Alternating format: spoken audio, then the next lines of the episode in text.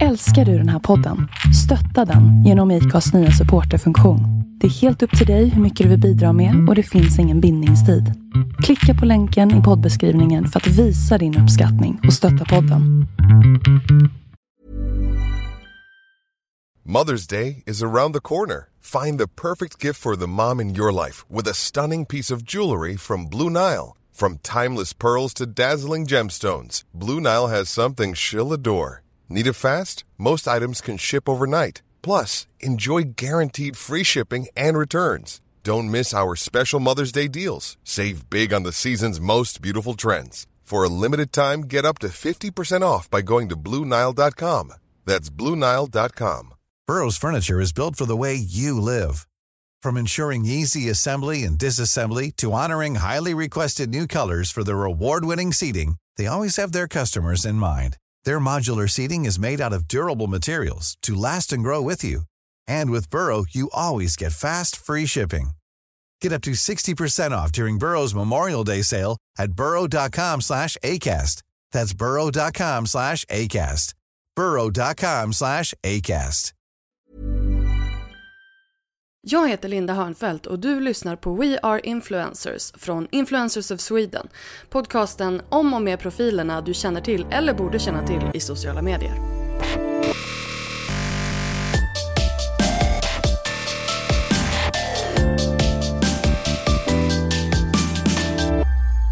Hallå och välkommen till det 59 avsnittet av We Are Influencers.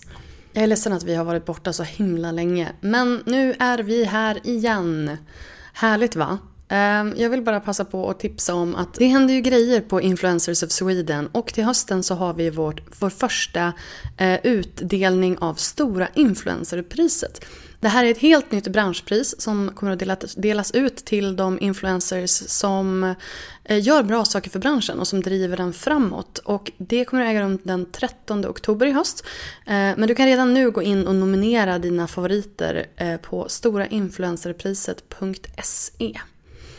Och glöm inte att bli medlem i Influencers of Sweden. Som promedlem så kan du också bli utsedd till Årets medlem.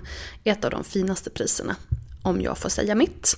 Det kostar bara 500 kronor om året att vara promedlem i Influencers of Sweden. Och på så vis så hjälper du oss att eh, skapa en bättre bransch för influencers i Sverige. Idag ska ni få träffa Katrin Berndt, före detta innebandystjärna som gick över till Youtube och idag så har hon över 300 000 följare över hela världen. Hennes nisch är något så speciellt som kroppsmodifiering och tatueringar. Och vi pratar om hur stor del tatueringarna faktiskt är av henne, hur hennes strategi för sociala medier är, Eh, jag kan påstå att selfies är en vinnare. Och om framgångsreceptet i att inte vara rädd eller bry sig om vad andra tycker. Eh, det här var en väldigt härlig intervju och det var faktiskt Katrins podcastpremiär. Så att eh, här kommer den, podcastpremiärsintervju med Katrin Berndt.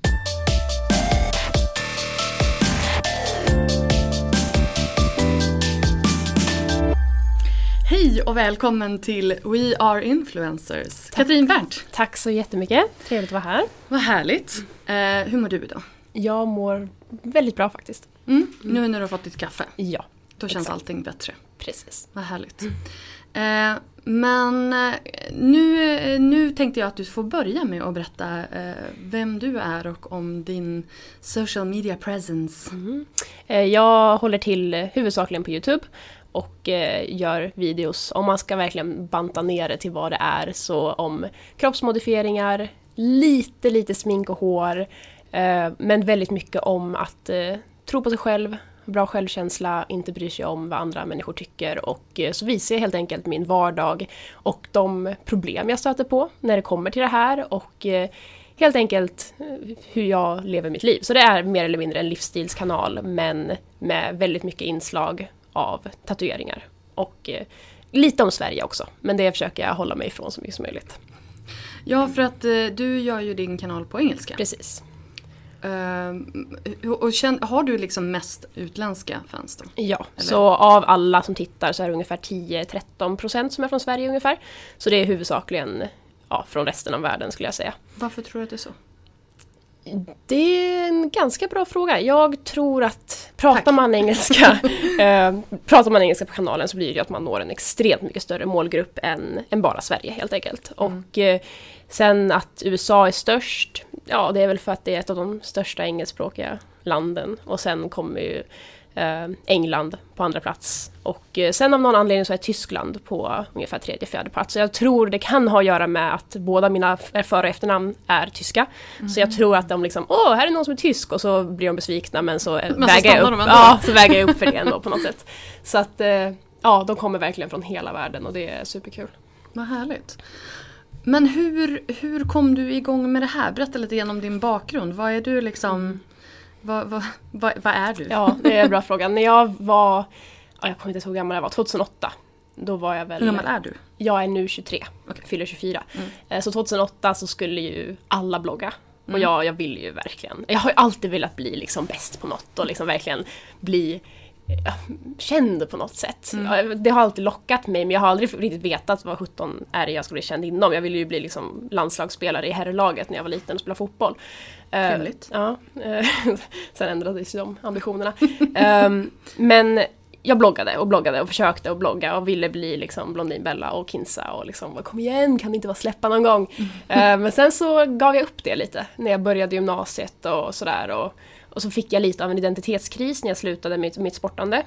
För jag fick, eh, på grund av hälsoproblem så bara la jag av med sportandet helt och Du hållet. blev inte, inte landslagsproffs Nej, i jag, herrlaget? jag blev inte det. Jag spelade dock landslagsinnebandy med för USA. Men det var inte lika För stor. USA? Ja, inte lika stor merit. Jag men, bara känner eh, så här, parentesen som kommer Ja, det är en stor parentes. Mm. Eh, men jag fick helt enkelt sluta med sportandet och det var hela min ident- identitet då. För att från att jag var 0 år till att jag var 15-16 så var sport mitt liv. Mm. Eh, så jag var tvungen att hitta mig själv igen och då råkade jag komma in på Tumblr. Alltså, ja. Jag, vet, jag har ingen, ingen aning om hur man beskriver Tumblr för de som inte vet vad det är. Alltså det är ju... Det är ju En kult rent, på rent, något sätt. rent tekniskt så är det väl ett bloggverktyg. Ja, det är väl det. Men, men, Den används ju Men- för mycket annat. men i övrigt så är det en kult. Ja. Det, det är en väldigt kaosig sida som både kan vara extremt positiv och ex- extremt negativ för ungdomar som använder den. Så där hamnade jag på något sätt och eh, började liksom ja, få upp intresset för band och eh, ja, kroppsmodifieringar för många av de banden jag lyssnar på hade tatueringar och piercingar och coola grejer sådär. Och ja, men då började jag ändå liksom identifiera mig med det och började ja, lägga upp egna bilder på mig själv och då fick de retweets, som det så fint heter. Ehm, och eh, massa notes, alltså att jättemånga människor har gillat och Nej, delat. reposts. Nej, retweets. Ja, det är retweet Twitter. i Twitter. Eh, Repost heter det. Man Reblogs. repostar. Reblogg. Reblogg kanske heter Ja, ja, som ni hör, jag har inte varit inne på Tumblr på Det var någon som man som delade vidare i alla fall. Precis, så man delade det till sin egen blogg. Så ens blogg bestod av andras bilder. Det här är mindre. den stora fördelen med Tumblr. Att man kan liksom dela Ja. vidare saker i sin Ja. eget, sitt eget bloggflöde. Precis, så att eh, ens blogg bestod helt enkelt av bilder man tyckte om. Eh, så där började jag få extremt mycket följare. Och när jag hade runt 60 000 följare där ungefär så, så började jag liksom, ja men jag kanske ska göra en video. Göra någonting av det här. Ja, för att alla ställde ju samma frågor. Mm. De ville fråga de, liksom, hur gör du ditt smink? Och hur gör du ditt hår? Och liksom, frågor som de konstant ställde. Och när jag skulle skriva det här utförligt varje gång så blev det ju lite tjatigt. Att liksom beskriva med ord hur man sminkar sig är inte det lättaste. Så då tänkte jag, ja men då, då lägger jag upp en video på Youtube då. För det var ju bara ett videoverktyg. Som man bara så här, ja, jag gör en video och så lägger jag upp den på min blogg någonstans. Och sen helt plötsligt började folk följa mig på Youtube av någon konstig anledning. Och min, min bas var ju från Tumblr. Det var ju därifrån jag fick den här första skjutsen. Så jag var inte en helt okänd nobody när jag började på Youtube. Så det, det gav mig en skjuts på vägen och sen så äntligen en dag så struntade jag helt och hållet i Tumblr och gick över till Youtube istället. Och eh, då blev ju sakta men säkert Instagram och Facebook och sådär också en del av det jag gör. Så det var så allting började. Alltså det, det, jag har nog aldrig hört någon som har kommit liksom den Nej. vägen förut. Men var du ändå, du la upp bilder på dig själv på Tumblr. Mm. Det, var liksom, det, det var en blogg som du körde där. För att alltså, jag har Ja. Tumblr. Jag uppdaterar ungefär en gång i halvåret. Mm. Eh, och då delar jag ju egentligen bara saker som andra har, har gjort eller mm. jag lägger upp bilder jag gillar så men jag har nog mm. inte speciellt mycket bilder på mig själv. Nej, utan jag, jag fattar ju väldigt snart att aha, det är bilder på mig själv som får spridning helt mm. enkelt och då får jag fler följare. Så att jag var inte korkad liksom, det är klart jag körde på det spåret. Eh, jag fick mina följare för att jag la upp bilder på mig själv och så stannade de väl och började uppskatta min personlighet för att jag var jag väl kanske inte stolt över hur jag var, men jag var ganska provocerande och lite så här, ja, lite dryg och rolig liksom när jag svarade på hatkommentarer och höll på. Så då tyckte de att det var kul att följa mig och jag fick följarna från bilderna på mig själv som jag hade lagt upp. Så det var så allting ja, drog igång. Och, alltså min blogg det var ju bara bilder på mina favoritband och sådär. Jag la ju aldrig upp bilder förutom dem på mig själv. Så att det, ja, det är ett väldigt konstigt koncept det där. Att, ja. Men varför tror du att det var så då? Jag vet inte, det känns... Ja, när jag tittar tillbaka så tycker inte jag att jag stod ut på något sätt. Men... Ja, jag vet inte. Jag hade inga tatueringar på den tiden. Jag, jag piercade mig i slutet av Tumblr-karriären lite sådär. Um, men jag fick, det var ändå liksom några av de största, de kändisarna på Tumblr, de började följa mig. Mm. Och det var ju en merit. Det var ju såhär, men åh gud den här personen följer henne, då måste vi också göra det. Och jag vet inte hur de hittade mig, varför de började följa mig det, det, var väl bara att vissa av mina inlägg som jag hade gjort bara fick en sån extrem spridning så att folk, ser man liksom en bild eller ja, en GIF eller något på någon så man bara wow den här personen var cool, då går man och följer den om man kan hitta den personen. Mm. Så det var bara så det såg ut och jag tror att det verkligen bara var tur. För jag ty tycker inte att jag presterade någonting för att förtjäna det jag fick. Men ja, det blev så. Alltså är det liksom en, alltså just det här att du är, att du är, att du är cool. Men alltså du ser ju väldigt bra ut också. Jag gjorde inte det då. Alltså jag har ändå lite självinsikt där jag kan kolla tillbaka och bara så här, nej. Det var inte hundra procent det där alltså. Jag, jag, tror att jag alltid varit bra på att framställa mig på ett bra sätt. Och mm. det tror jag hjälpte mig väldigt mycket för att jag, jag var ju ingen så här superskönhet. Alltså mitt intresse för mitt utseende började ju inte förrän jag var 18 kanske, 19. Mm.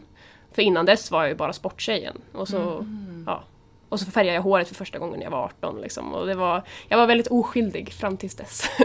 så att, eh, ja. Och vad hände sen? Sen blev det kaos.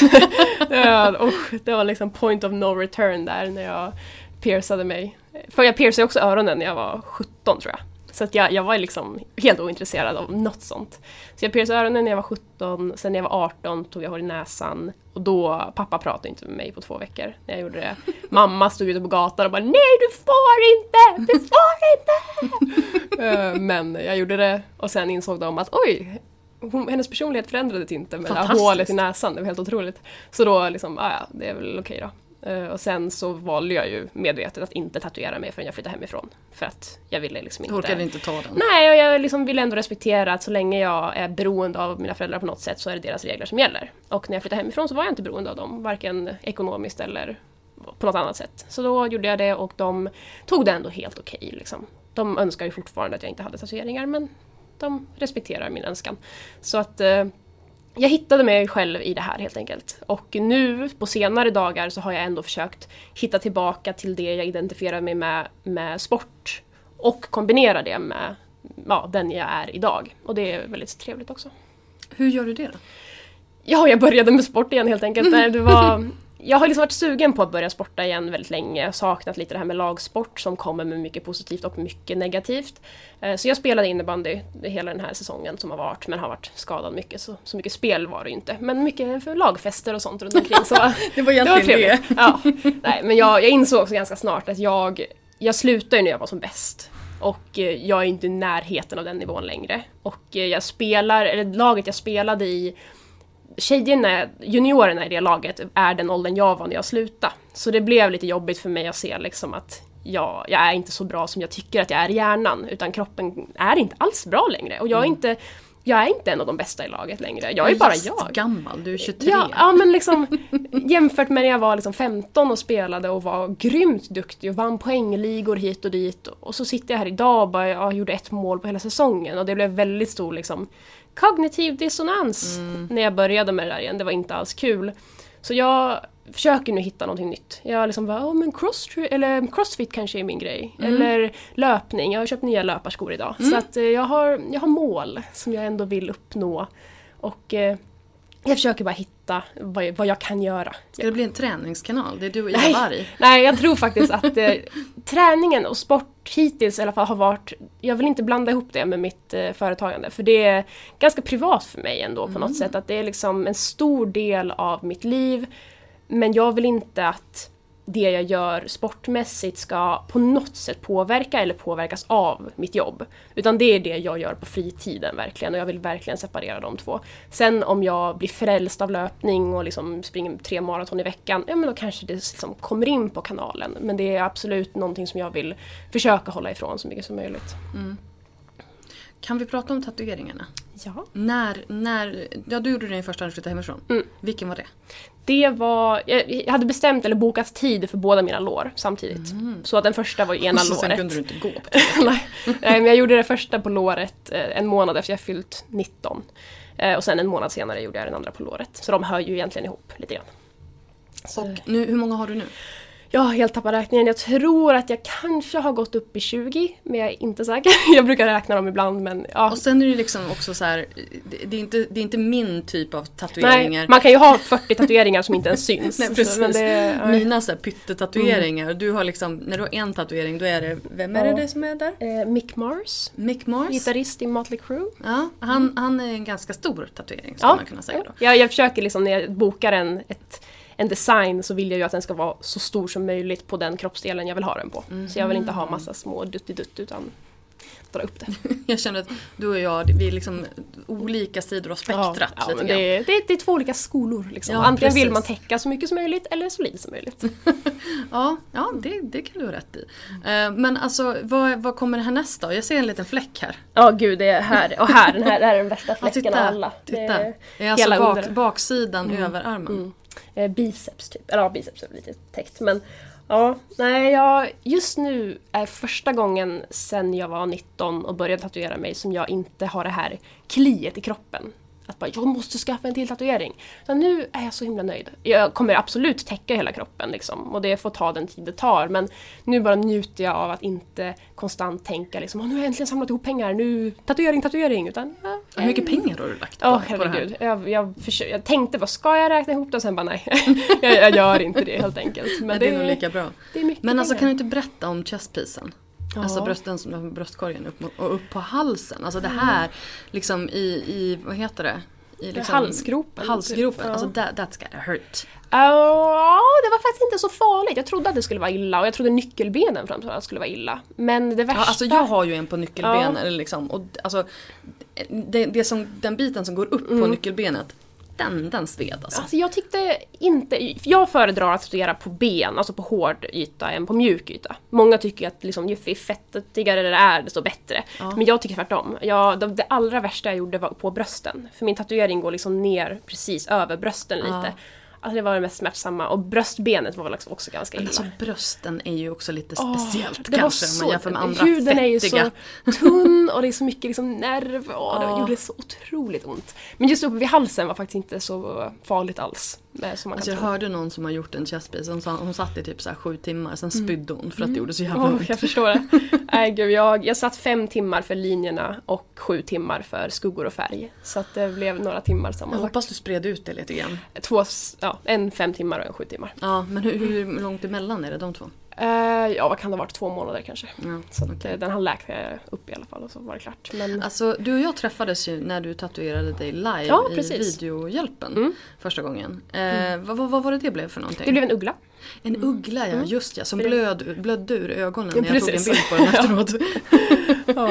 Ehm, har du gjort någon efter det?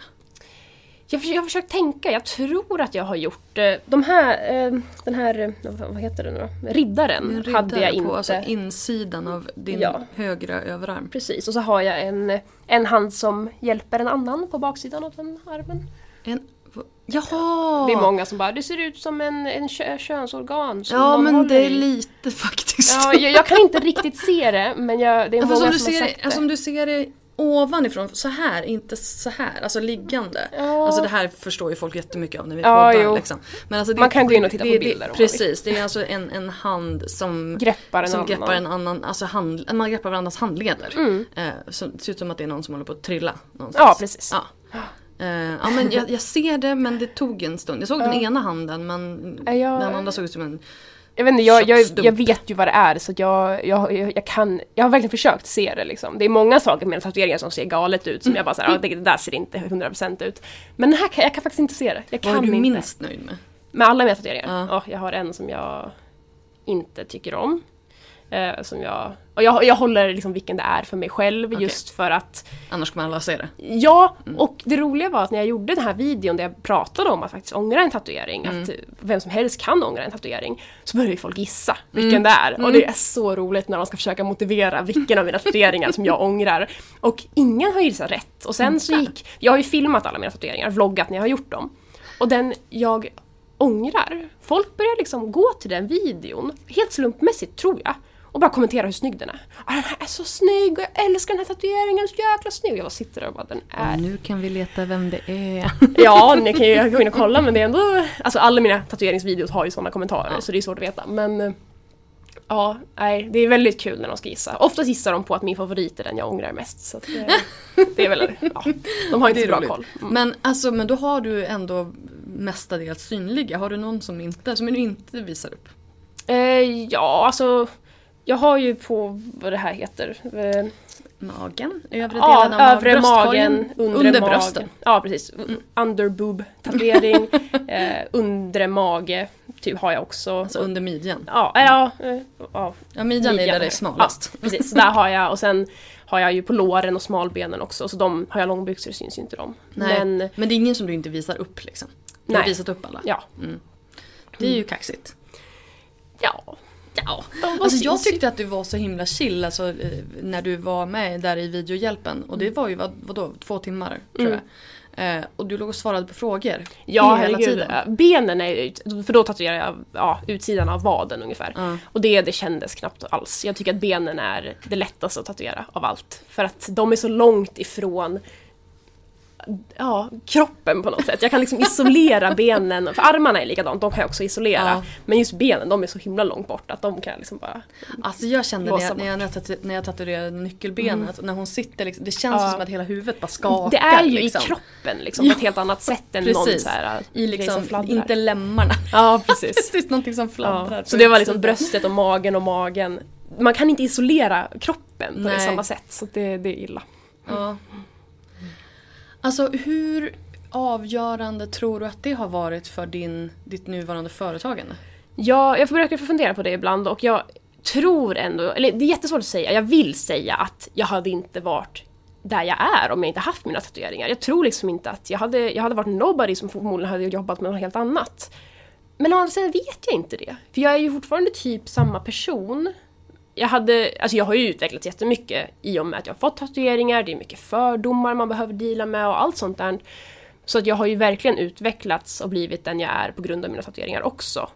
Och jag vet inte hur det hade sett ut om jag inte hade skaffat tatueringarna. För att det var ju där någonstans det började också att ta fart när jag pratade om tatueringar. Och eh, Det är lite Ja. din nisch. Ja, det är ju liksom. det. Och det känns ändå lite fel att säga liksom att Ja men att jag är tatuerad är det som jag är känd för. För att alla är tatuerade. Alltså så här, vem har inte en tatuering? Men det har ändå blivit, jag är den som pratar om tatueringar. Trots att det kanske är en av tio videos jag gör. Mm. Men, men det är som Clara Henry och mens liksom. Man blir den som, det man Men, pratar men om. man väljer ju sin grej som man pratar om som man då antingen är ehm, ja men lite Alltså man kan mycket om det. Mm. Ehm, man är representabel på Mm. något vis. Eh, och just att du har gjort så himla många på så många olika ställen också Mm. gör ju att du verkligen kan prata Ja. om så här, vad gjorde mest ont, Mm. vad är liksom bäst teknik, vad ska man tänka på, Ja, men du vet alla Och sen där tycker grejer. jag det är så himla viktigt att, för jag tycker att det här communityt eller den, här delen, eller gruppen människor som har så mycket tatueringar. Jag tycker dels att väldigt många är extremt så här, lite översittare, ser ner på folk, är väldigt dryga när folk ställer dumma frågor inom situationstecken. Ehm, Och jag hatar sånt. Jag hatar, för alla vi var där en gång i tiden. Och så fort, bara för att du har skaffat en eller två tatueringar, då får du se ner på någon som inte har några tatueringar och undra de här dumma frågorna. Och jag, jag, jag vill liksom, jag vill vara en trygg plats på internet där man får lära sig. Mm. För att man, vart ska man annars lära sig? Bara för att du hade en brorsa som tatuerade sig och du lärde dig av honom så betyder inte det att alla andra också vet. Så att jag tycker det är jätteviktigt att liksom Dels att jag är ärlig med när jag inte kan svara på frågor mm. och ärlig med det här är en fråga till din professionella tatuerare som jobbar med det här. Det här är inte en fråga till mig eller någon annan på internet. Och eh, det är också jätteviktigt för mig att man tar det på allvar och sen absolut kan jag ge tips och råd och liksom Ja men hur ska man skicka ett mail till en tatuerare? Ja men då kan jag hjälpa till och berätta hur man kan, liksom, vad man ska in inkludera och allt sånt där. Men ja, jag har ju också som regel att jag, jag ger ju aldrig min personliga åsikt om andra tatueringar. Det, det, är inte min plats att säga. Om någon frågar liksom Jag ska skaffa en ros och ett lejonhuvud, vad, vad tror du om det? Ja men vem är jag att säga att det är snyggt eller inte liksom? Det har inte jag någonting att göra med. Så att jag vill ändå liksom att sprida rätt information och också sprida den här liksom att att folk frågar de som faktiskt jobbar med det. Sluta lyssna på random människor online. För alla är experter online. Som bara blir tatuerade av sina polare Precis, på liksom. Fest. Och till och med jag, jag är ingen expert. Jag svarar bara på sådana frågor som jag kan svara på. Och det är väldigt viktigt för mig att folk börjar liksom förstå att ja, men det är tatueraren som har svaren. Även om tatueraren säger gör så här och tio personer online säger nej, gör inte så lyssna på tatueraren ändå. Jag, jag lyssnar aldrig på folk online. Jag lyssnar på det min tatuerare säger. För att jag... Nej, jag vet inte. Alla är experter på allt hela tiden. Du har inte funderat på att bli tatuerare? Nej, absolut inte. Jag, äh, det, inte? För mig så är tatuerare... Det de är är konstnärer. Och så råkar de tatuera folk. Liksom, för mig så måste man vara konstnärlig eller ha en passion för att rita och för att lära sig. Jag har inget av det. Jag, jag, är inte konstnär, jag har ingen passion för att rita eh, och det är huvudsaken för mig. Ett intresse i tatueringar, det, är liksom, det kommer på tredje, fjärde plats mm. när det kommer till att vara tatuerare. Så jag har liksom inget, jag har aldrig varit intresserad av det just för att konst aldrig har varit intressant för mig på det sättet. Så att eh, nej, jag blir tatuerad. Du är duken. Precis. Har du gått tillbaka till samma person flera gånger eller gör ja. du nya? Jag kan inte riktigt bestämma mig om det beror mer på att om jag gillar deras arbete eller om jag har lite så extrem ångest över att gå till nya människor. Så att har jag en, liksom, har jag en äh, tandläkare så går jag till samma hela mitt liv. Har jag en frisör går jag till samma hela mitt liv. Så det kan vara lite samma med tatuerare. Att har jag gått till en en gång då känner jag mig bekväm med att gå tillbaka dit. Men jag skulle aldrig be någon att göra någonting den inte är liksom behärskar. Gick du tillbaka till personen som du inte blev nöjd med? Tatueringen? Inte sen dess, Nej. kan jag säga. så att, eh, då, men du har, det, det, du har varit hos den personen flera gånger? Ja, och jag har varit jättenöjd alla andra gånger. Ja. Så att det vad var, hände? Jag vet inte vad som hände. Jag tror att personen tog sig vatten över huvudet och inte, inte visste sina egna begränsningar. Mm. Och jag litade på personen mm. och då blev det knasigt. Då blev det kajko. Mm. Eh, så det är väldigt viktigt också som både kund och tatuerare att veta sina begränsningar. För att det gör inte att man är dålig, det gör bara att man har koll på vad man kan och inte kan. Ehm, så det, Men det där är ju jättesvårt. Ja, verkligen. Ifall man inte ska göra en exakt likadan tatuering som den här personen mm. har gjort innan. Mm. Så då är det ju svårt att veta. Men mm. vad har du för tips då? Om man ska, om man ska göra sin första tatuering, vad, mm. vad ska man tänka på? Ja, många frågar alltid jag har två planer. Jag vill göra en som är stor och en som är liten. Vilken ska jag börja med?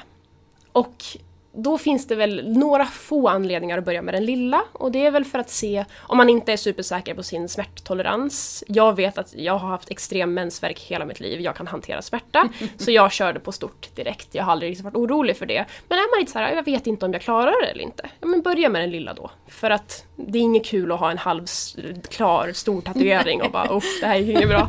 Man gjorde så bara linjerna, bara nu kör ja. vi bara liksom ja. Eh, svartvitt. Vi slutar där, det blir ja. skitbra. Så där kan man börja med den lilla. Sen är det, det är inte supervanligt men vissa är allergiska mot eh, vissa typer av bläck. Eh, så där kan man också börja med en liten. Visar det sig att om jag är lite allergisk mot rött, ja men då är det bättre det än att ha gjort en stor röd tatuering och sen bara oj oj oj nu blev jag allergisk här. Mm. Eh, så det är också en anledning att börja med en lilla. Men utöver det så är det så här, ja Kör den stora om du vill köra den stora. Min första var stor, det var hela mitt lår och jag klarade det och det är inget konstigt med det.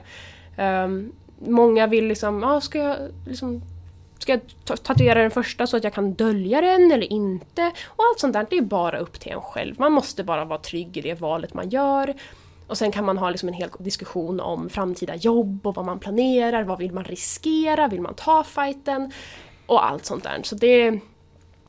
Ja. Och sen, sen är det liksom... Lyssna på tatueraren, Lyssna alltid, alltid på tatueraren. De kan sitt jobb, förhoppningsvis, om du går till en bra tatuerare. Säger de att någonting inte blir en bra tatuering, så blir det inte en bra tatuering. Och då finns det ingen anledning att bara säga att jaha, nej men då går jag till någon annan som gör mm. det här. För jag tror inte den kan göra det till en bra tatuering heller.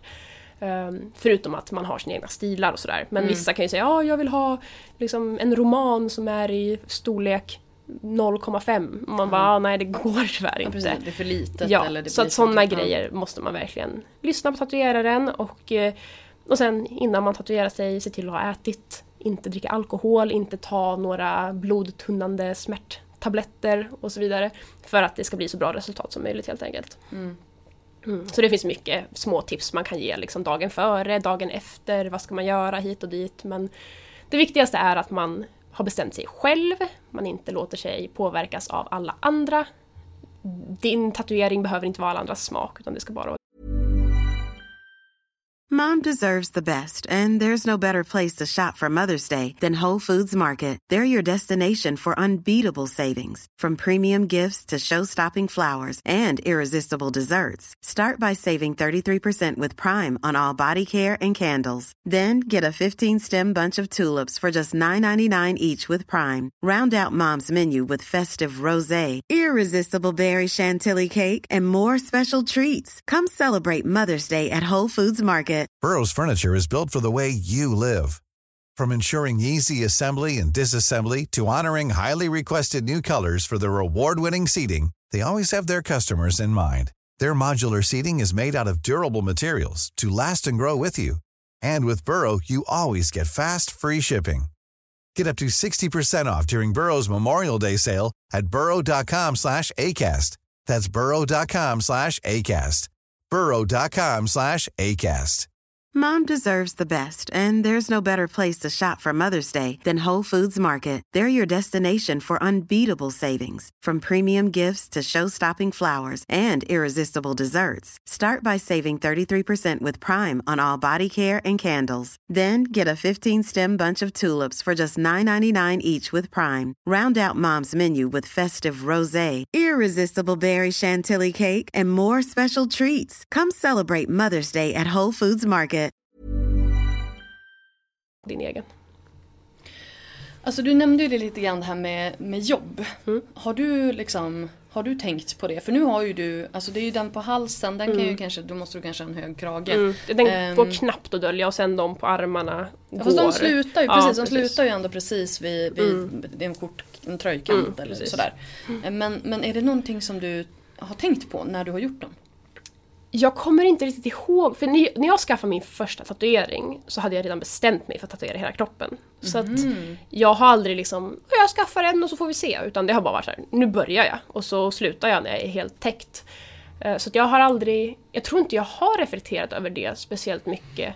Utan jag har bara kört. För att jag har ju liksom alltid velat jobba inom media på något sätt. Och så som jag upplevt det och som jag såg det innan så är ju det ett konstnärligt-ish yrke som är väldigt eh, de är väldigt öppna för att man ser lite annorlunda ut. Och sen har jag också alltid haft attityden att om jag inte låter mina tatueringar påverka så kommer inte min chef göra det heller. Mm. Alltså om jag liksom går in där, ser professionell ut och liksom snackar för mig själv och visar att jag är bästa kandidaten för jobbet, ja men då kommer de också se det. Istället för att gå in och jag har en tatuering, försöker dölja mm. den och oj, oj, får man ha tatueringar? Då är det klart de säger nej förmodligen bara för att de vill. Men nej, jag har alltid bara liksom hållit huvudet högt och tänkt att eh, mina tatueringar får inte påverka det här och det har de aldrig gjort heller, vad jag vet. Jag kanske har fått ett nej på grund av dem någon gång men eh, inte vad jag är medveten om i alla fall. Men nu jobbar du med Youtube mm. på heltid? Eh, ja, bland annat. Jag har lite, ja, lite olika Men du, du, du är egenföretagare? Ja. Um, har du haft liksom något, något riktigt jobb inom citationstecken mm. där, det, det, det, där det har varit liksom en, en, en, grej? Inte där det har varit en grej, men Nej. jag har jobbat på kontor i fyra, fem månader innan jag insåg att det här vill jag aldrig göra igen. så att, eh, då började Fast så här tycker jag är intressant när folk säger det så här. Jag har jobbat på kontor. ja, nu har jag ju mitt eget kontor. Vad innebär Ja, men det? att man går dit och är där vid åtta och så är det folk där och så ska man jobba, jobba, jobba, sen är det lunch och sen ska man jobba, jobba, jobba, sen går man hem och så kommer man tillbaka och åh, det var... Det är, det, det är ekorrhjulet du inte är helt Åh, nöjd med. Och sen var det fruktansvärda omständigheter på det jobbet. Det var liksom ingenting var rätt när jag jobbade där och eh, det var precis efter jag hade pluggat i Malmö. Så att eh, ja, jag var van vid ett fritt liv och sen tänkte jag men nu jäklar ska jag börja jobba liksom. Så gjorde jag det och ingenting stämde. Det var då allt var väldigt, väldigt negativt. Jag mådde extremt dåligt. Och sen så för att liksom komma undan så eh, det, ja, satsade jag på mitt eget istället. Och Men hade du, du hade börjat med Youtube då? När du Ja, hade absolut. kontorsjobb? Mm. Eh, så det var precis när jag slutade på det jobbet som jag precis, precis på kronan typ kunde jobba med Youtube på heltid. För att jag flyttade in med min pojkvän i en pytte, pytte, pytte liten lägenhet i Motala. så att, eh, ja. Så då, då gick det liksom, de, de kostar inte så jättemycket. Nej, inte så jättemycket. Så då kunde jag exakt betala hälften av hyran varje månad. Men alltså berätta hur, hur- det gick till. Alltså just det här när du skulle ta steget och bli Mm. egenföretagare. Ja, och jag, jag jobbar ju som sagt på det här jobbet som jag avskydde. Samtidigt som jag försökte liksom bygga min kanal. vad jobbade du med då? Sociala medier. Så att Okej. jag, jag gjorde, eller skötte sociala medier för ett sånt här företag där de har hört att den nya coola grejen är sociala medier. Så vi anställer någon som bara gör magin åt oss och så bara kör! Och så kommer de in en vecka senare händer och bara? Varför har vi bara sju följare på Twitter? Va, vad är det här? Vad gör du ens? Man bara oj, nu är det någon som har fått lite bakom Men vad pluggade du för någonting? grafisk design. Okej. Så att där kände jag också att det var inte rätt. Efter Nej. första terminen kände jag det här är inte rätt. Så vid sista terminen så Mm. hoppade jag av. eh, och struntade i examensarbetet. Men jag fick ju hela utbildningen och Mm. alla skulder som hörde till. Gött. Ja, fantastiskt. Eh, så då, då sökte jag jobb i hela Sverige och bara jag vill bara jobba med någonting kul. Och så fick jag det här jobbet i Göteborg. Flyttade dit och då hade jag ju precis träffat då min nuvarande sambo. Eh, och vi hade långdistansförhållande. Så flyttade jag till Göteborg, och kände ingen där överhuvudtaget. Arbetsplatsen var, fick mig att må dåligt och allting var jobbigt. Och då tänkte jag ändå så här, ja men jag jobbar här i minst ett år. För att ja, men då har jag byggt upp ett litet kapital. Ja, vi får se vad som händer. Och sen för varje vecka som gick så krympte det där året. Och bara, men fram till jul, äh, fram till efter semestern. Och, nej, jag klarar inte en vecka till alltså. Så jag måste härifrån. Hur länge var du kvar? Jag började i januari och slutade i maj. Ja, men Så att, du klarar eh, ändå nästan Ja, så det var det var väldigt påfrestande och jag mådde extremt dåligt. Så då försökte jag liksom desperat, men vad ska jag göra liksom? Mm. Och då sa jag min pojkvän då att ja, men du, kan, du kan flytta hit, liksom, du får göra det. Och då tänkte jag att ja, kanske är lika bra. Och då hade vi varit tillsammans officiellt i sen november då, så kanske lite mer än ett halvår. Så det var ju liksom, det var inte planen. Vi hade inte, liksom, hade vi bott i samma stad hade vi inte bara flyttat ihop sådär. Mm. Men eh, det funkade och jag, jag tjänade ju extremt lite pengar på Youtube. Det var ju det enda jag tjänade på och sen några samarbeten här och där. Och det, det var precis så det räckte. Och därifrån när jag liksom körde heltid så kunde jag då bygga upp det till det jag har idag. Men vart är du ifrån? Ja, det är en bra fråga. Min första del av ungdomen så bodde jag utanför Gnesta. Och sen flyttade vi till utanför Nyköping. Och där bor mina föräldrar fortfarande idag. Så att ny, jag skulle säga Nyköping. Mm. Okej. Ja. Men alltså, jag måste bara göra en liten detour till eh, landslaget i innebandy i USA. Ja. Ja, men alltså, jag känner vi kan ju inte låta den, den Nej. hänga i luften. Du måste ju... Ännu vad- en vad- vad- obehaglig Vad upplevelse. var det liksom? Hur, hur gick det till? Ja, jag, eh, min pappa kommer från USA, så jag är medborgare. Eh, Och, So wait. Eller Mhm. ja, kanske inte just nu men ja. Ja men det är ändå ganska nice liksom. ja, för det mesta. ja. Eh, Så jag spelade innebandy i några år och eh, var väldigt duktig och eh, att spela i Sveriges landslag är ju liksom dream on, det är ingen chans. Och då tänkte jag, ja men ändå USA liksom, hur, hur ser det ut? Har de ett landslag? De vet knappt vad innebandy är så att... eh, Okej, okej. mm. För annars tänkte jag så här, vi har lite mindre invånare här. Men Ja, visst nej nej. visserligen innebandy- Sverige är ju världens bästa land i innebandy. Är det så? Ja, så det är, du är screwed. Finland kanske också om det är några finnar som lyssnar. Ni är också duktiga. Eh, men USA är ju liksom så här ja, det är galet. Halva deras lag. Det är du och tre pers till. Ja liksom. men typ, halva deras lag, om inte mer, kanske 75% består av europeer med amerikanskt medborgarskap helt enkelt. Som inte platsar i sina landslag. Så att, eh, det man behövde göra då var pappa slängde iväg ett mail till deras eh, o- ja, ordförande eller vad det nu är. Hej, jag har en dotter som vill spela innebandy och de säger ja, kom på nästa läger så kör vi. Och då gjorde jag det och som tur var var ju då det lägret i Oxelösund som låg 10 minuter från Nyköping. Det var superbra. Alltså. Eh, Så då, Det, det här känns Ja. inte som att det var så splashigt som jag trodde från början. Man betalar allt själv. Du betalar boende, resa, outfit och allt, träningskläder, matchställ. herregud. allt betalar du själv. Det finns liksom ingen budget för det i USA. Liksom. Vad, vad är innebandy ens? Liksom, europeisk Jag sport. tänker på den här, den här filmen, Cool, cool, vad heter de? De, de här, är de inte afrikaner som ska åka bobs, bob, alltså du vet sådana jag sl- slow, sett. vad, heter det? Inte snow racer utan de stora, bobsleigh. Ja, Heter sled, kanske. bobsled. sled.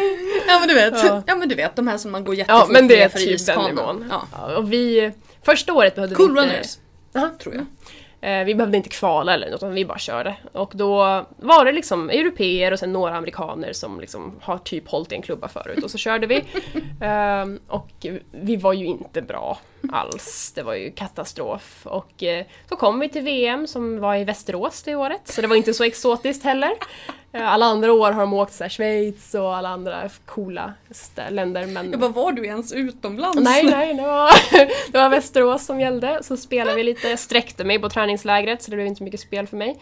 Ehm, och eh, så mötte vi Sverige såklart i en match i vårt gruppspel. Det var ju väldigt intressant. 28-1 blev det då i den matchen. Så att så flashigt är det att spela innebandy för USA. Eh, Men när man var säger du det... ens i USA? Nej, nej, nej. Nej, det här var i Sverige. Du var inte i USA överhuvudtaget? Nej. Jag har aldrig varit i USA i samband med innebandy.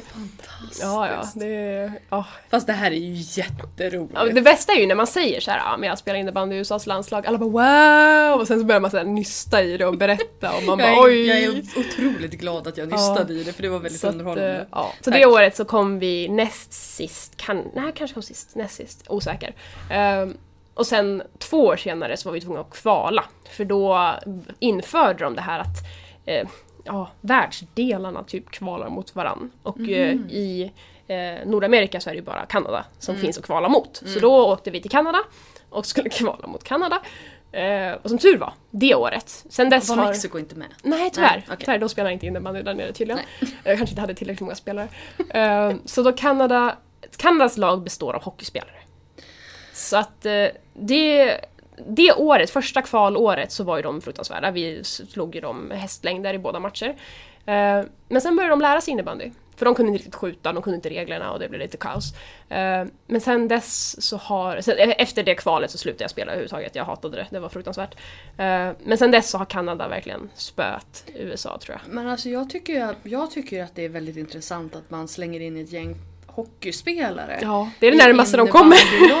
Ja, Just for the hell of it ja, liksom. ja men det är, bara så här, men det är ungefär samma sport, kör! In. Vi har ett USA-lag vi måste spe- spela mot, in med er, kom igen nu!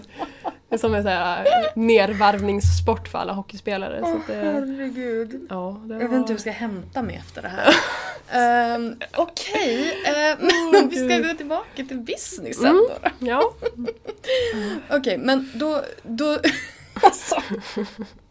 Okej, eh, men då drog du igång ditt, ditt företag som du inte spelar innebandy i. nej. Nej. Ehm, och, gjorde du det då i samma, samma veva som du flyttade till Motala? Nej, jag hade faktiskt, jag drog igång mitt företag redan när jag bodde i Malmö. Okej. Eh, för att jag och min kompis eh, drev ett ja, klädföretag som man så trevligt kallar det. Vi gjorde t-shirts och tröjor typ och sålde. För att vi tyckte att det var superkul. Och då så startade hon företaget med själva ja, ja, kläderna helt enkelt. Och jag startade ett företag för min YouTube men också för ja, som marknadsföringsansvarig för det klädföretaget. Så att hon. Mm. liksom, man, hon kunde inte anställa mig så att det blev att hon, jag blev konsult. konsultade? Mm. Så att sen dess hade jag haft företag helt enkelt. Och eh, ja, jag, det var inte mycket pengar det rörde sig om överhuvudtaget. Utan det var bara liksom då jag drog igång det helt enkelt. Mm. Så började det rulla på när jag flyttade till Motala. Men och hur utvecklades det? För nu är det ju ändå liksom... Nu går det ju bra. Ja, absolut. Jag, den största skillnaden blev ju när jag bytte nätverk. För innan jag bytte nätverk så var det ju bara liksom ja, men så här omotiverande och liksom, jag kände liksom att det här, gud vad segt det går. Var låg du då? Eh, hos, hos, eh, Play. Ja, och vad ligger du nu? United, Screens. Så att det var verkligen bara så här, jaha, ja men det är så här det ser ut, jag hade ingenting att jämföra med. Men så hade jag liksom, mitt kontrakt började gå ut, eller ja, några månader senare. Och då kände jag liksom att alla pratar så bra om United Screens och eh, alla säger att man tjänar mer där, vilket jag var såhär wow, kan man tjäna mer? Gud vad sjukt! Eh, Så jag började prata lite med folk, hade möte med United Screens och allting kändes jättebra. Tre månaders uppsägningstid, det bästa som finns. Ehm, Men det tror jag att Play har infört nu också. Jaså, Ja, jag är tror det det. sant? Jag tror det, efter Wow. kritiken. Sjukt. Ja. Ehm, ja, men eh, så det, då bytte jag nätverk. Min lön ökade med 700 procent. Åh jävlar!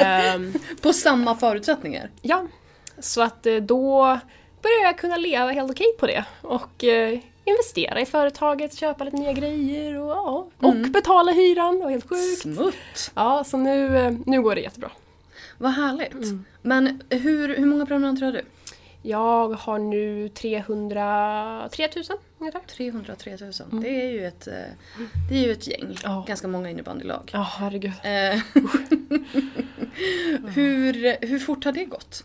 Vad hade du, vad hade du när ja, du flyttade till Motala? Alltså bara, bara dra. Jag- Hur, hur fort har det gått? Yes, det är en bra fråga. Jag, jag kollade faktiskt nyligen. Mina första 20 000 tog två år. Oj. Eh, och jag nådde 100 000 i den här tiden förra året tror jag. Så från 100 000 till 300 000 har det gått ungefär ett år. Så att det har ju verkligen gått liksom jättesegt, jättesegt och sen har det gått Ja, snabbare. men det, det, det, verkar ju vara så för Ja, de flesta. Att. Mm. de, här, de första tusen tar liksom evigheter. Ja. Mm. Och så sen, alltså du vet. Fast de, de som startar idag verkar som att alla bara såhär åh 100 000, 100 000, 100 000, alla bara alltså, poppar upp. inte jag. Ja, ja, det, det är skönt att fortfarande några som är liksom Jag ligger starkt på 386 eller någonting sånt där. Åh, Sen så gud. kanske inte jag satsar 100% på det Nej. för jag har lite annat att göra. Ja. Ehm, men, men nej, det, det, och jag tycker att jag är ganska bra. Ja, alltså det är så sjukt det där. Ja. Och jag hade ju som tur att jag hade Tumblr då som gav mig den skjutsen Ja. i början för att hade jag inte haft det så hade det tagit ännu längre tid, absolut. Men hur tänkte du då med andra sociala medier? Hur gick de in i, i strategin? I början, det var inte förrän kanske förra året någon gång som jag verkligen liksom började tänka på vad jag ens gjorde. För innan dess var det bara såhär, kör bara och det har ju gått bra hittills. Men nu har jag ändå börjat liksom ha en strategi. Vid nyår så tänkte jag så här: okej, nu måste jag planera lite här. Och folk följer mig på Instagram för att se bilder på mig. Det, är liksom, det är så det är. Jag har Youtube för att uttrycka min personlighet. Jag, har, jag hade min blogg då där jag kunde skriva av mig. Jag, hade liksom, jag har alla de här ställena. Så om Instagram nu bara är bilder på mig, då får det vara det. För det är så jag får fler följare. Och det är så fler personer hittar mig. Och via min Instagram hittar mig också min Youtube. Så att jag var ändå tvungen att tänka om lite. Men vad är det folk vill se var? Så det började jag planera mer bara liksom nu i slutet av förra året någon gång. Så det har gjort ganska stor skillnad faktiskt. Så att, eh, ja, sen Facebook är ju liksom, det är inte så jättemånga influencers som använder sig av Facebook vad jag har sett. Utan det är bara en så här, ja, sidkanal där jag liksom samlar allting som jag gör. Och så, ja, det, sidan går ju jättebra, det är ju jättekul men det är inte någonting jag lägger supermycket krut på direkt. Nej. Det beror ju lite på vad man har för målgrupp Mm. och vilken ålder den är i. Alltså Facebook, jag har, vi har ju en medlem som heter Sara Bäckman som driver en trädgårdsblogg. Mm. Hon har ju apstor Facebook-sida och det är, det är ju hennes bästa kanal. Ja. Men då är det ju också en lite äldre målgrupp.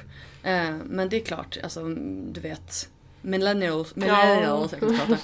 millennials de kanske inte hänger, det är inte Nej, deras precis. primära Mm. kanal. Och jag har ju ändå en relativt gammal målgrupp skulle jag ändå säga. Som börjar någonstans runt, Vad innebär det? eh, inte 10 till 13. Nej. Utan mer 17 till 35. Halvvuxen. Mm. Precis, så att eh, ja. Och sen de som, alltså jag har ändå märkt lite att de som hänger på Facebook är ju mest, där är det ju mest så här skummisar som har hittat mig på något konstigt sätt och inte har kollat mina videos. Så det är ju mycket så här äh, lite konstiga människor som Ja, Som bara tycker att du är het. Ja, ja, jag vet inte riktigt. De är skumma. De är supertrevliga. Alltså, jag blockar ju alla som är otrevliga. Mm. Så det här är ju folk som liksom eh, jag skickar såna här stickers.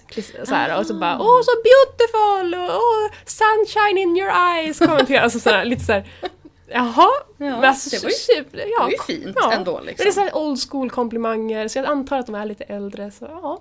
You look like an angel! Alltså det är ju ingen så här 17, 18, 19-åring som säger sånt liksom. Nej, alltså ganska Så, få. ja. De brukar vara lite eh, andra, andra Sexy! ordval. Sexy motherfucker! Mm, precis. Ja, så att, ja, jag- det är nog väldigt stor skillnad på de människorna som följer mig på de olika ställena. Ja. Och hur tänker du där? Har du liksom olika strategier då för de olika namnen? Du, du har ju selfies då på Instagram. Ja, precis. Och eh, Youtube är ju alltid min primära kanal. Mm. Där lägger jag mest krut på alla sätt. Och sen Facebook, det får bara hända. Jag tjänar ju inga pengar på Facebook överhuvudtaget. Mm. Så jag lägger inte jättemycket energi på den kanalen. Utan där är det bara så här. De som hänger där får hänga där. Och nyligen har jag startat en Facebookgrupp istället där jag kan... Mm. Ja. Eller inte Men den är istället. på svenska, men, nej, den är på engelska också. Den är på engelska. Mm. Det, namnet är på svenska. Ja precis. Bara för att det Ja, ska vara tack. lite charmigt. Ja, jag förstår. För jag bara, vänta här nu, har jag missat? Nej, då, då Ja, har jag uppfattat det rätt. Yes, så den, den är jättetrevlig. Och där kan jag ändå liksom connecta med alla sorters följare. Eh, Gamla som unga och alla kan dela sina erfarenheter och hålla på. Och det, det är superkul. Vad pratar ni om där då? Allt möjligt. Och det är så himla skönt för nu, jag blir ju bombad med frågor konstant. Om allt möjligt. Och ungefär 80% av de frågorna kan inte jag svara på. För jag har inte upplevt det, jag kan inte relatera till det. Och i den här gruppen kan, alltså de kan bara fråga varandra. Men vad är det för typ av frågor? Alltså, allt möjligt. Mycket tatueringar, mycket piercingar. Piercingfrågor kan inte jag svara på överhuvudtaget. Alltså jag piercade öronen när jag var 17, näsan och sen har alltså jag är inte ens intresserad av piercingar. så Nej, det är, du har, det är bara de tre du har. Ja, precis. Så att, eh, jag tycker knappt om dem. Så att där är det så här, fråga varandra istället. Så frågar de om piercingar grejer. Sen är det vissa som bara säger ja, jag har prov om några dagar. Shit, kan någon peppa mig liksom? Vad händer? Och sen vissa människor är så här, jag ska åka till Australien. Finns det bra veganmat i Australien? Och så Ja men alltså allt, de bara frågar varandra saker och någon säger åh jag råkade ut för det här och min kompis sa det här och jag blev ledsen, vad tycker ni jag ska göra? Alltså, allt. Gud vad fantastiskt. Ja, och alla är så... Alltså, alla är ju extremt respektfulla och snälla mot varandra. Och det är ju också reglerna för gruppen. Liksom. Är man inte schysst så åker man därifrån. Men du, du modererar den? Ja, och det, det... Jag har inte stenkoll men folk kan ändå rapportera, eller reporta, anmäla Ja, till mig ja. när det inte är schysst. Och det, det är bara typ fyra, fem människor jag har behövt blocka av alla Men som alltså jag tar in. inte det tid? Alltså ganska mycket tid att Jo. sitta och moderera? Jag läser ju inte allt. Nej. Utan jag, jag litar på att är det någon som beter sig oschysst så säger folk till mig. För så har det varit hittills. Men jag, alltså, jag vet ju nu vilka som hänger på gruppen väldigt ofta. De kan jag göra till moderatorer också Mm. för jag litar på dem. Så att eh, om det blir ett problem i framtiden så kommer jag liksom få Mm. mer människor som hjälper till. Men i dagsläget så har det inte varit speciellt mycket problem alls. Men det här är ju ganska unikt. Mm. Och det här är ju definitivt någonting som, som jag tror är framtiden. Mm. Att du har ju blivit liksom en hubb för, för människor. Ja. Så, som står för vissa värderingar och som, som ändå så här, har dig gemensamt på något vis. Och jag menar det är ju definitivt någonting som du ska, alltså det låter ju, alltså jag vet att när man säger sådana saker så låter det så himla ehm, kallt och ytligt. Men att det, det kan ju du kapitalisera på. Mm, men jag har också funderat på det. Jag tänker liksom att i den här gruppen, när jag gör ett inlägg så plingar det ju till i alla medlemmars telefoner. Mm. Ja. Och jag, jag Hur många är det som är med? Eh, 3000 nu ungefär. Fast det är ju skitmycket folk. Ja. Mm. Då är ju de, liksom, de är ju die hard fans. Och det, det är liksom folk som så fort jag lägger upp någonting och ställer en fråga, ja men 200 kommentarer om vad folk tycker och hjälper till och liksom nej men kör på det här, det är skitbra. Och så kan jag be om råd och hur jag ska göra med saker. Och det känns ändå väldigt intimt trots att det är så mycket människor. Men den är stängd eller? Ja, Du godkänner? ja. Ja. Och jag godkänner ju såklart alla. Men jag vill ändå inte att det som finns där i ska synas för omvärlden. Nej. Liksom. Nej. För att de, de litar ändå på varandra till viss mån. Jag säger ändå i reglerna att det är internet. Allt som läggs upp på internet kommer finnas på internet för alltid. Så vi, alltså bara så ni vet det. Men jag Mm. vill ändå att vi på något sätt har etiskt sett någon form av tillit till varandra i den här gruppen. Att liksom man, man ska våga ställa sina frågor och inga frågor är dumma frågor. Så att det, det är supertrevligt liksom. Och det är många som säger också att de, ja, men liksom, de har kompisar nu helt plötsligt. Alltså man liksom kan prata med varandra och det är, ja, det är super... Gud vad fint! Ja. Men alltså för att jag har ju sett så här vissa grupper där eh, folk gör livesändningar och sånt där. Det borde du kunna göra där. Mm. Ja, jag funderar på det också. Att det, det går ju att göra. Jag har inte testat det än, men jag är lite sugen. Men då det känner tror jag jag också skulle lite så här, väldigt uppskattat. Jag känner liksom att när jag gör en livestream på Youtube så blir det ju nästan samma intima känsla just för att jag kan ju läsa alla kommentarer. Det är inte så många som tittar. Så att, och på Youtube tjänar jag pengar på det. Så jag är fortfarande lite där att om jag ändå ska... Fast jag tänker snarare att det är liksom att det är en sån långsiktig relationsbyggande grej. Om du, alltså att det här är det liksom, de, Mm. de är dina bästisar. Och om du vill göra någonting längre fram, om Ja. du vill skriva en bok eller om du vill Mm. ehm, göra en klädkollektion eller om du vill, vad, vad, nu, vad du nu än vill göra. Mm. Så är det ju de personerna som kommer att köpa det först. Mm. Så det är ju de du ska ta hand om Ja, mest. ja, verkligen. Så att om du gör en livestream, alltså du behöver inte göra en, du behöver inte göra en lång livestream. Mm. Du kan köra 10 minuter Ja, och bara precis. snacka med folk innan du ska gå och sova eller gå Mm. till skolan eller nu går inte till skolan men innan de går till skolan. Ja. Alltså du vet alltså den typen av Mm. grejer. Ehm, För redan nu så får ju, det kanske inte är så här supercoolt, men de, de får ju liksom jag, jag lägger upp mina videos unlisted och länkar dem i gruppen innan jag lägger upp dem Ja. på min kanal. Liksom. Så att det är ändå, de får ju se en helt annan sida av mig. Ah, så fort jag liksom, oh shit, vilken thumbnail ska jag välja? Jag lägger upp alla där så får de säga vad de tycker. Liksom. det så är att, ju as nice. Men alltså jag älskar det där. Jag Mm. tror att det där är ju verkligen framtiden. Mm. Men har du funderat någonting på det här? Det har ju varit liksom en del snack när det gäller algoritmer som eh, ändras och Mm. ehm, folk som blir avprenumererade automatiskt. Det är ju massa sådana där strulgrejer. Liksom. Ja, Ehm, och jag bruk, det jag brukar säga det är ju så att bloggen borde vara ditt nav därför att det är där du ehm, har all kontroll. mm. Har du, har du funderat på någonting sånt? Att du kanske Ja. ska ha en, inte en blogg, men typ en sajt. Att du har Mm. en, en bas. Ja. Liksom. Jag har länge funderat på att göra en hemsida. Men jag är expert på att dra igång saker som sen rinner ut i sanden. Så jag, om jag nu ska dra igång en hemsida och sprida den så måste jag vara 100% säker på att jag kommer sköta den, att eh, den kommer uppdateras, att den inte bara kommer rinna ut i sanden. För jag vill inte liksom mätta mina följare men nu, har jag, nu finns jag här och nu finns jag här och nu finns jag här. Liksom. Utan ska det finnas en hemsida då ska det vara på blodigt allvar. Liksom, att det här är där ni hittar mig. Eh, när det kommer till algoritmer och alla sådana här avföljningar och- eller prenumeranter och sådär så då frågar jag alltså min partner manager på United Screens, är det här någonting jag måste oroa mig över? Och de säger oftast nej det är det inte. Och då struntar jag i det. Sen såklart, när jag, den veckan, två veckorna som jag var på typ 298 000 prenumeranter Alltså det gick nästan back varje dag. Alltså jag fick panik på det där. Jag var så här, "Ja, men nu, jag är inte så fokuserad och fixerad vid siffror. Men jag vill bara komma över de här 300 000. Men det, alltså jag förlorade 100-200 per dag och det bara gick back, back. Och jag hade inte ens laddat upp något kontroversiellt eller någonting. Utan det var bara, det bara försvann. Och det är väl, de rensar väl alltså inaktiva människor, jag vet inte. Så där blir man ju av med saker. Och visst, jag har haft haft folk som kommenterar och säger liksom att Åh nej, jag blev avföljd, det var dåligt liksom. Och så måste de följa mig igen sådär. Jättekonstigt. Men eh, Nej, men alltså, jag, jag tänker att så här, om du gör en sajt Mm. så kan du ju egentligen bara där Du kan ju bara samla dina, Mm. dina grejer alltså som du gör. Alternativt att du bara gör det som ett digitalt visitkort Mm. eller man ska säga att du säger att ja men här kan ni nå mig, det här är mina olika kanaler. Ja. Men att du har din ehm, ditt, ditt URL, alltså din, din egen plats som ingen kan ta ifrån dig. Mm. Ja. Om någonting skulle hända. För då Mm. kan man gå in där och så kanske du har liksom Du har ditt Twitterflöde och du har ditt Mm. Instagramflöde och du har liksom din senaste Youtube-video. Då har man liksom allt på samma ställe. för det Ehm, går ju inte att nå ut till alla människor på något sätt annars. Liksom. Nej. Det går ju inte. Nej och så typ ett nyhetsbrev. Mm. Alltså, det är ju, alltså, det, för jag tror, alltså, jag tror verkligen på det här med mailinglistor nu. Mm. Samla e-postadresser för i, i, i, i framtiden, i fortsättningen, vad som än händer, de kommer du ha. Mm. För mail is not going anywhere.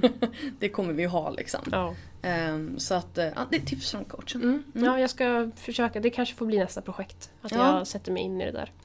Ja, alltså, ja, men, ja, ja, jag tror på det. Mm. Ehm, vad är the end game? Vad, vad vill du med allt det här?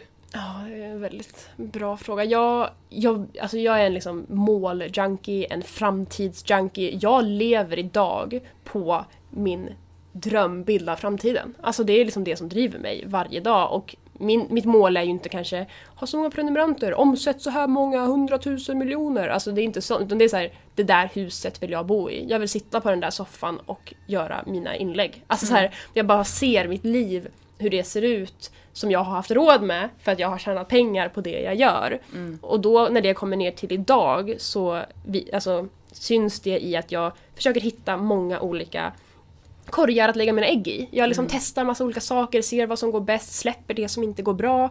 Ehm, jag har börjat som konsult på ett annat mediebolag eh, och jobbar med att utbilda företag när det kommer till sociala medier. Och det gjorde, alltså jag kan ju absolut leva på Youtube. Men det här gör jag för att det är kul liksom. Och jag, jag vill det. Och sen nu så när jag kom dit så började vi prata om det här med att jag jobbar med Youtube och så och nu helt plötsligt ska jag ut i skolor i olika kommuner och, och, prata med föräldrar och barn om sociala medier och om Youtube och allt sånt där. Och det är också sånt jag brinner för. Liksom jag vill prata med folk och liksom inte bara skrämma upp dem utan också liksom förklara vad möjligheterna är med mm. allt det här. Så att jag, jag, jag, bara kör på just nu, gasen i botten och eh, det har liksom lett mig till massa olika konstiga saker som jag inte alls hade planerat från början.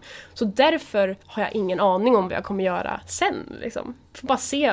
Youtube kanske är det jag tjänar minst på i framtiden, ja, men då får jag släppa det, gå vidare mm. till nästa sak. Mm. Men i dagsläget så jag vill ändå på något sätt få med mig mitt gäng, alltså mina följare, på det nästa jag gör. Och jag har ingen så passion för att, ja, men kläder eller bok eller något sånt där. Så jag vet inte vad min ultimata dröm är. Men jag känner ändå att i dagsläget så har jag den ultimata lösningen för just nu. Liksom. Men du är ändå duktig på att hoppa på nya möjligheter. Mm. Jag är duktig på att uh, snacka för mig själv och få folk att tro att de behöver mig. Mm. Uh, så det tycker jag är superkul. Och sen så, så um, Perfect Day media. Mm. De har ju dragit igång Daisy, nej, uh, Lillian Jack. Lillian. De drog igång Daisy Grace. Mm -hmm. Så fanns det inte modeller av alla storlekar, eller alla sorter. Så då drog de igång Lillian Jack. Och då tänkte jag att ah, men är det någon modellagentur jag vill vara med i så är det den här. Mm. Så ansökte jag och så signade de mig. Mm. Så där blev det också en till sån där Behöver jag det? Nej, men är det kul? Absolut. Jo men det är ju, alltså, det är ju alla de här olika benen i varumärket. Och, mm. och kommer jag tillbaka till sajten igen. Mm. Då kan du ju ha alla dem bara så ja men anlita mig för en föreläsning. Mm.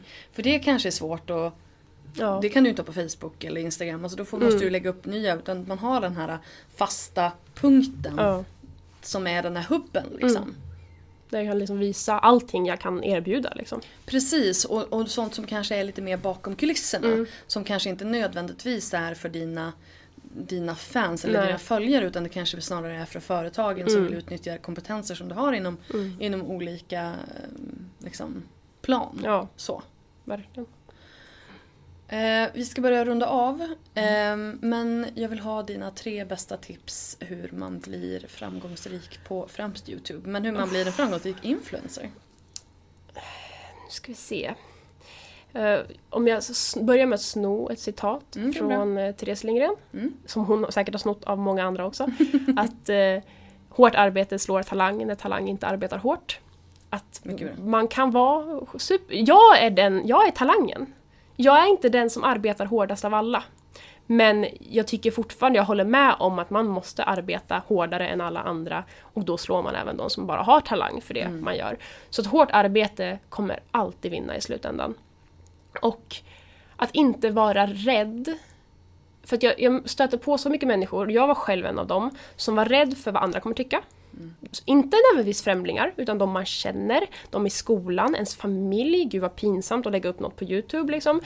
Inte bryr sig om det, utan verkligen bara köra. Inte vara rädd för att man inte har bästa utrustningen. Inte vara rädd för att ingen ska vara intresserad av att lyssna på det man har att säga. Utan var inte rädd. Och det är jättesvårt. Alltså jag är fortfarande rädd för att testa nya grejer. Men jag kör bara. Jag liksom blundar och så bara nu kör vi och så får vi se hur det går och så bara löser det sig. Så kan man öppna ögonen någon gång senare och inse att ah, det gick ändå ganska bra det där. Efter allting um, rasat runt omkring Ja och man kör och bara ah, oj oj oj.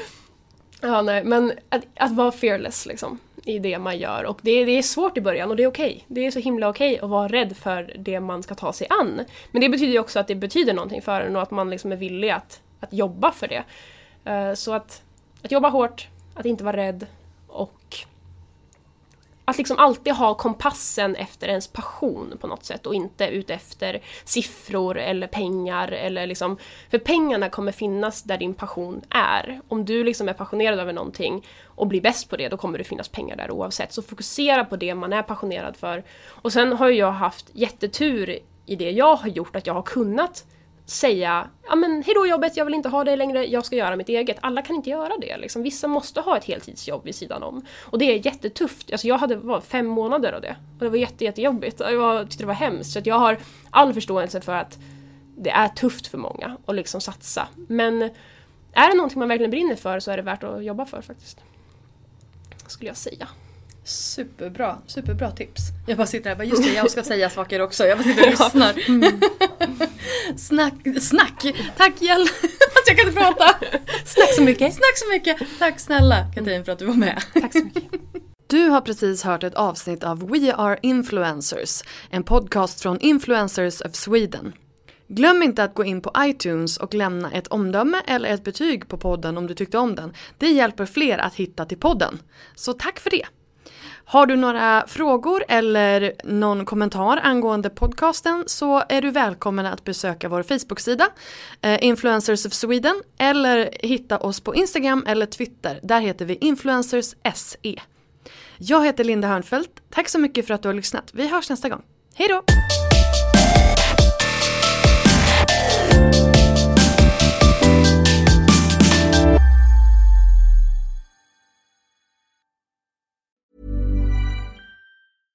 Flexibility is great. That's why there's yoga. Flexibility for your insurance coverage is great too. That's why there's United Healthcare Insurance Plans.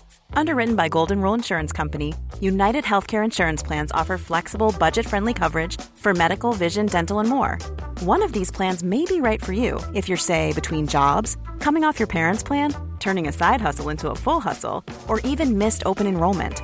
Want more flexibility? Find out more about United Healthcare Insurance Plans at uh1.com.